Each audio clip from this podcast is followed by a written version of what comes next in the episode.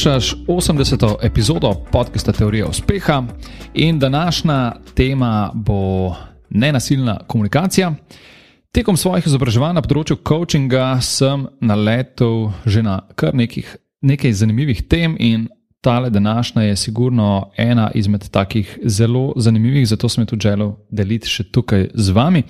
Um, oziroma, težko rečem tema, da moram reči, da gre za eno tako izjemno urodje, ki ga je razvil Marshall Rosenberg in se imenuje nenasilna komunikacija oziroma non-violent communication oziroma bolj mogoče znana po kraticah NVC.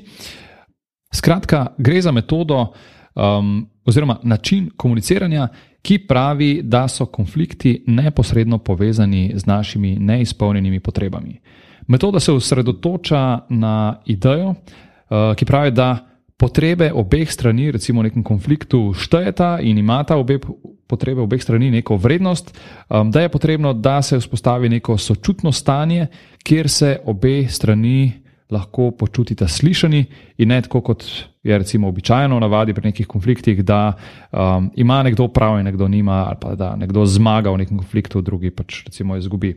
Zdaj, mogoče še najprej en kratek disclaimer. Jaz nisem nek um, certificiran NVC trener ali kaj podobnega, sem se pa tekom svojih uh, izobraževanj doskrat srečal s to temo, um, pa nekako delim tukaj neka svoja razmišljanja, stališča, kakorkoli o tem. In ja, kot sem omenil, običajno rešujemo konflikte na način, da nekdo zmaga, nekdo izgubi, da ima nekdo prav, nekdo nima. In običajno tudi pri komuniciranju uporabljamo nek način izražanja, s katerim pogosto, ne vem, recimo obsojamo uh, tisto drugo stran v konfliktu.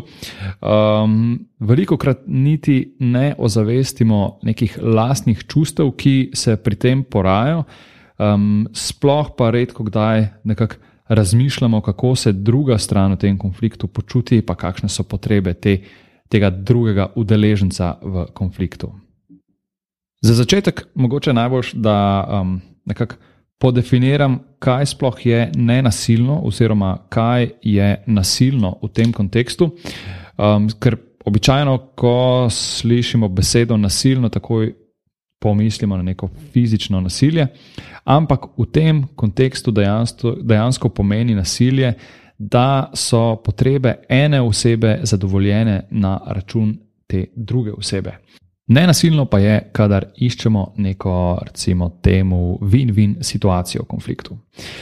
In če pomislim, kako običajno poteka neka konfliktna situacija, um, je ponovadi tako: jaz imam neko bolečino in ti si jo povzročil, um, ti si naredil nekaj slabega in uh, pač v tej moji zgodbi sem jaz žrtev in ti si ne vem, nek um, bad guy, kako bi rekel, zlobnež recimo v tej zgodbi.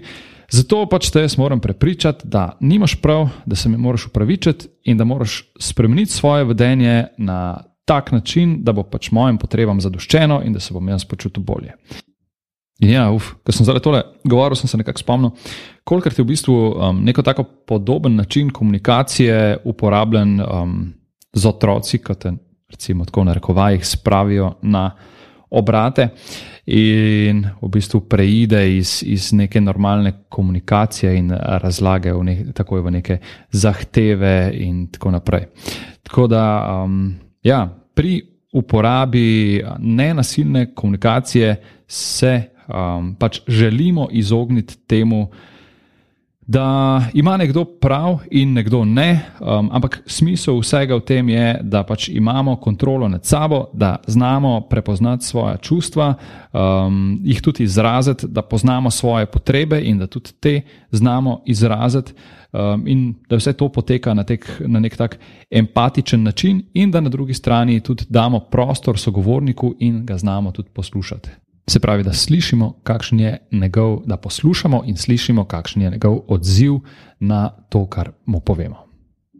Pa da ne bi zdaj razlagal preveč neke teorije okoli tega, bi izpostavil v bistvu štiri ključne korake, ki verjamem, da so lahko izjemno koristni za vsakogar. Um, tako v nekih uh, privatnih odnosih uh, s partnerjem, part, uh, z otroci ali pa v odnosih poslu, v poslu. Skratka, povsod je lahko to izjemno uporabno. In sicer gre za štiri korake nenasilne komunikacije, um, gre za opisovanje čustva, potrebe in na koncu prošnjo. To so štiri koraki, um, se pravi, izražim, izrazim to, kar opažam, um, izrazim svoje čustva, um, izrazim svoje potrebe in na koncu še izrazim svojo prošnjo pa si dajmo kar pogledati v bistvu vsak korak posebej. In sicer prvi korak je opazovanje. Um, tukaj gre v bistvu da, za to, da znamo izražati svoje opažanja. In kar je tukaj super pomembno, je to, da to naredimo brez, da bi kogarkoli karkoli obsojali ali pa ocenjevali. Se pravi, da gre za neko popolnoma neutralno stališče, povemo to, kar vidimo, oziroma kar smo videli. Se pravi, kot da bi, ne vem, nek dogodek um, posnel s kamero in vse posneto dal enemu neutralnemu, eni neutralni osebi, da to pogleda in naredi nek opis tega. Se pravi, da pove samo točno to, kar je bilo vidno na posnetku. Izra, izražanje opaženega mora biti tako neko, recimo, v narekovajih, super čisto um, in super neutralno. Um, naprimer, primer je neki manjši skupini ljudi, ne vem, recimo v službi, um, razlagam neko temo in nekdo vse čas pogleduje na telefon. In jaz lahko, moja reakcija bi lahko bila, hej, vidim, da me sploh ne poslušaš. Ampak s tem v bistvu ga že obsojam, ker niti ne vem, ali me v resnici posluša ali me ne posluša. Um, lahko pa bi rekel, vidim, da si v zadnjih um, vem, desetih minutah zelo pogosto pogledal na telefon um, in bi s tem povedal točno to, kar sem dejansko videl. Nekoga, ki je prijemal v roke telefon in pogledal na telefon, ga odložil in spet pogledal in tako naprej. Um, in mogoče se sliši zadeva preprosta, ampak um, niti ni tako preprosta. Ne? Ker v bistvu, um, če pogledam vse iz svojega stališča, nisem res mogoče navajen ali pa se mi zdi, da tako overall nismo navajeni. Um, tako komunicirati, in je potrebno neki vaje, da, da to pride v kri in da se to uporablja. Druga točka so čustva. Um, prepoznati je potrebno lastna čustva, ki jih občutimo v tisti situaciji, se pravi, um, čustva, ki jih nekako občutimo v situaciji, ko opazujemo to, kar smo v prejšnjem koraku izrazili, in te občutke potem tudi izrazimo temu sogovorniku. Se pravi, gre za ozaveščanje tega, kar občutimo, čustva, ki ga občutimo takrat, in izražanje tega osebi, s katero se pogovarjamo. Sledi tretja točka in to so potrebe.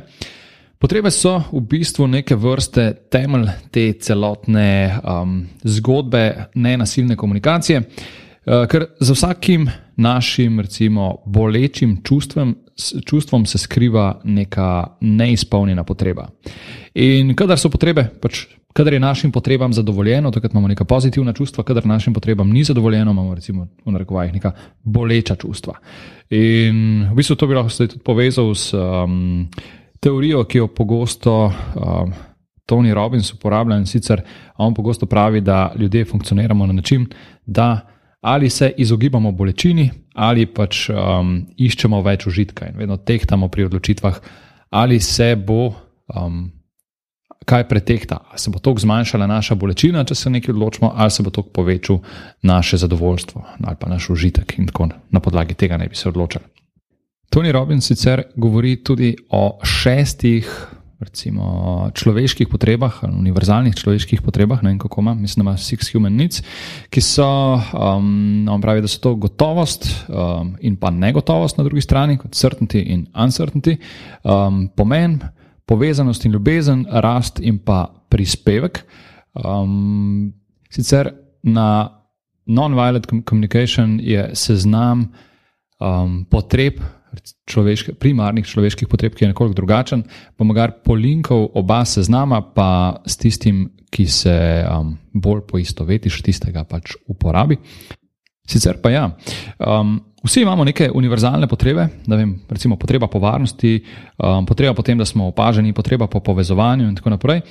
In če se v pogovoru oziroma v konfliktu um, izrazimo na način, da komuniciramo um, neko svojo potrebo, um, tako univerzalno potrebo, um, obstaja velika verjetnost, da se je tudi tista oseba na drugi strani konflikta že znašla v situaciji, um, ki je bila to tudi njena oziroma njegova potreba, in um, obstaja nekako uh, boljša možnost za razumevanje nastalega konflikta ali pa za razumevanje neke, neke komunikacije, v kateri se, se um, dva nahajata v nekem danem momentu. Jaz verjamem, da um, smo nekako globoko v sebi, vsi ljudje nekako zvezani na način, da pač želimo pomagati drugim pri izpolnjevanju njihovih potreb, ampak običajno sploh ne poznamo, um, kakšne so to, te potrebe, ker pač nismo navajeni komunicirati na tak način. In mogoče bi pri potrebah um, dodal še to, da um, močna čustva so običajno posledica nekih neizpolnjenih potreb, in kadar smo um, v, tej, v nekem tem stanju, običajno potrebujemo neko sočutje, neko empatijo. Ampak um, običajno smo pa navajeni komunicirati na način, um, kot sem že prej omenil, da pač um, jaz imam problem zaradi tebe, ti um, si slab, jaz sem dober, ti nimaš prav, jaz imam prav, in tako naprej. In posledično pač generiramo samo še večji konflikt.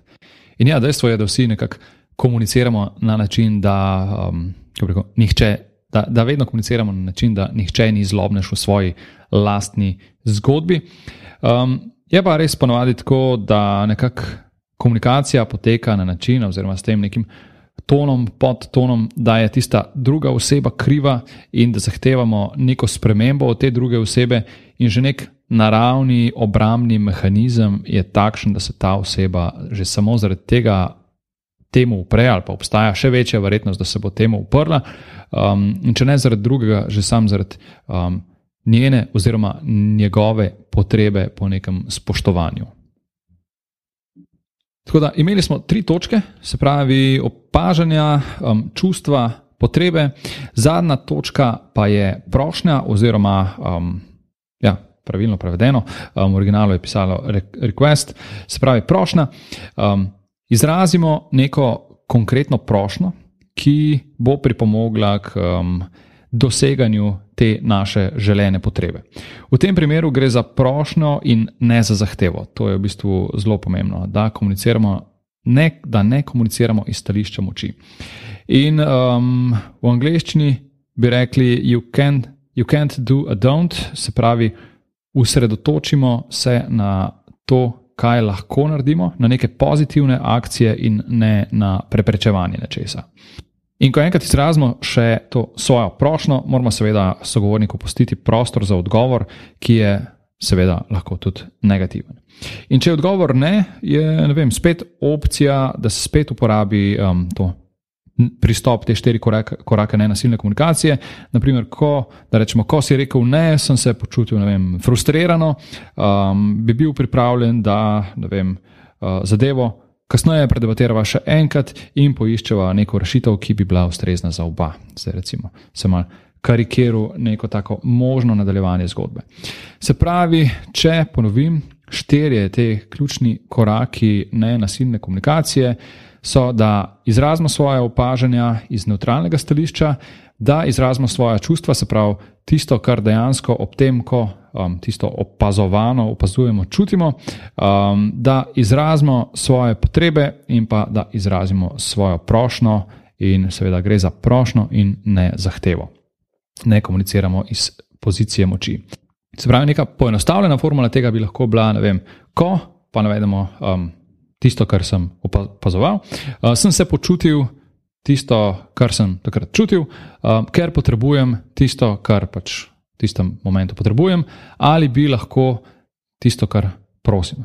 Um, to je zdaj slišati tako precej plastično, ampak um, z nekaj vaje verjamem, da zadeva postane bolj naravna in um, nekako bolj, uh, ja, bolj naravna. Uh, zdaj, če bi nek cel primer vzel, recimo, prej sem imel um, primer, da nekomu nekam razlagam in gledam na telefon, lahko bi rekel: vem, Opažam, da si v zadnjih desetih minutah pogosto gledal na telefon, ob tem sem se počutil um, na nek način užaljeno, ker sem pripravil to vsebino samo zate in potrebujem na drugi strani osebo, ki je. Pripravljena poslušati in poskušati razumeti to temo, um, ali bi lahko bil, prosim, naslednjih nekaj minutah skoncentriran na to, kar ti imam zapovedati. To je bil tak nek poenostavljen primer uporabe te metode, seveda pa je vse skupaj odvisno od tiste realne situacije in pa, kot sem prej omenil, od, potrebno je kar neki vaje, da nekako zadeva pride v kri in da se um, nekako lahko v vsakodnevnih um, situacijah, ki se dogajajo, tudi uporablja. In pa ker vem, da tale podcast posluša tudi kar nekaj coachov, um, to urodje je v bistvu lahko. Um, to urodje je lahko v bistvu tudi zelo uporabno v coaching procesu. Um, vem, recimo v prvi točki opazovanja opazujemo nek konflikt, kako um, klient opisuje neko situacijo, um, gre, ali gre za neko ocenovanje, se pravi ta observation versus evaluation, um, ali je mogoče se um, klient znajdu v vlogi žrtve, da pač je ta um, samega sebe nekako. Um, postavil v vlogo žrtve v tej situaciji. Potem, v drugi točki, ko enkrat ugotovimo to, kar je bilo opazovano, in na kak način je bilo opazovano, preverimo, kako se ob tem klient počuti. Ne vem, ali je ne vem, um, žalosten, uh, uh, ali čuti strah, ali pač karkoli že neko čustvo bi bilo. Um, ko enkrat ugotovimo, um, kakšno čustvo je, vem, recimo, da se počuti prestrašen, preverimo, kaj bi potreboval, oziroma mu pomagamo razumeti, kaj, manjka, um, kaj mu manjka, kje je tista potreba, ki ni izpolnjena, um, da se tako počuti, kot se počuti. počuti. In na koncu še preverimo, kaj bi potreboval, da se bi mu. Um, Oziroma, kaj bi potreboval, da bi imel to potrebo izpolnjeno, oziroma na koga um, in na kak način naj se obrne, da bi mu pri tem pomagal. Seveda, to ne pomeni, da bo ob uporabi tega kar čudežno to rešilo vse težave, uh, ampak je pa nek korak um, proti želenemu. Recimo. In pa še čisto za konec, um, že to, da poskušamo upeljati. Da, da, pokus, da poskušamo zavestno upeljati ta način komunikacije, lahko doprinese veliko v naše življenje. Če pa gremo še en korak dlje in si pri tem um, nekako poskušamo predstavljati še svojega sogovornika oziroma osebo na drugi strani konflikta in pač ne, se probamo nekako vprašati, kako um, se on oziroma ona počuti v tej situaciji, oziroma kakšne so njegove oziroma njene potrebe um, v tej situaciji. Um, In pa kako lahko, ne vem, recimo jaz spremenim svoje vedenje, da bo um, na način, da bo še vedno nekako um, delovalo v dobro mene, se pravi, da bo še vedno funkcioniralo za me, ampak bom hkrati pomagal tudi um, izpolniti ali pa dosegati te potrebe, ki jih ima ta druga oseba. In kot sem prej omenil, da um, nihče ni, ko se neko zlobnež v svoji zgodbi. Ne? Če participiramo to drugo osebo kot zlobneža v svoji zgodbi, um, je lahko to neke vrste humanizacija tega zlobneža, ker pač se poskus, poskušam postaviti v kožo, um, oziroma razmišljanje, občutke te druge osebe in ugotoviti. Um, kaj čuti, kaj potrebuje, in najti neko rešitev, ki je, kot sem omenil, win-win za obe osebe. To je v bistvu vse v tej epizodi.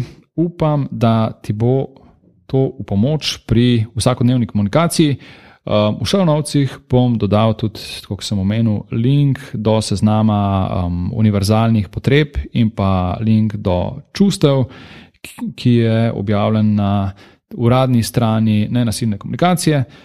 Tako da, ja, to je to. Želim ti lep dan, oziroma lep večer, odvisno, kdaj tole poslušaš, in um, do naslednjič. Še ena zadeva, preden greš, oziroma dve zadevi, preden greš. Najprej res hvala za poslušanje podcasta. Če ti je bila epizoda všeč, te vabim poslušati ostalih epizod, tistih, ki so že objavljene in tistih, ki še bodo. Hkrati pa te prosim, da na svoji podcast platformi podaš oceno oziroma pustiš komentar ali pa mogoče še več, da deliš podcast s svojimi prijatelji oziroma osebami, za katere meniš, da bi jih utegnil zanimati. In mi tako pomagaš pri širjenju prepoznavnosti podcasta. Še enkrat hvala in se slišimo v prihodnji epizodi.